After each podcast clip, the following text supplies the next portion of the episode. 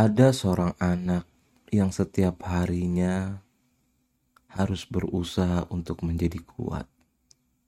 Tapi pada saat hari itu pula, dia harus merenung dan sering kali tak dapat menahan tangis ketika di malam hari.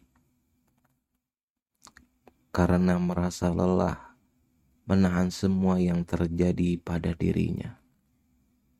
Akan tetapi, dia adalah seorang anak yang hebat dan luar biasa karena telah sanggup untuk berjalan dan bertahan sampai sejauh sekarang.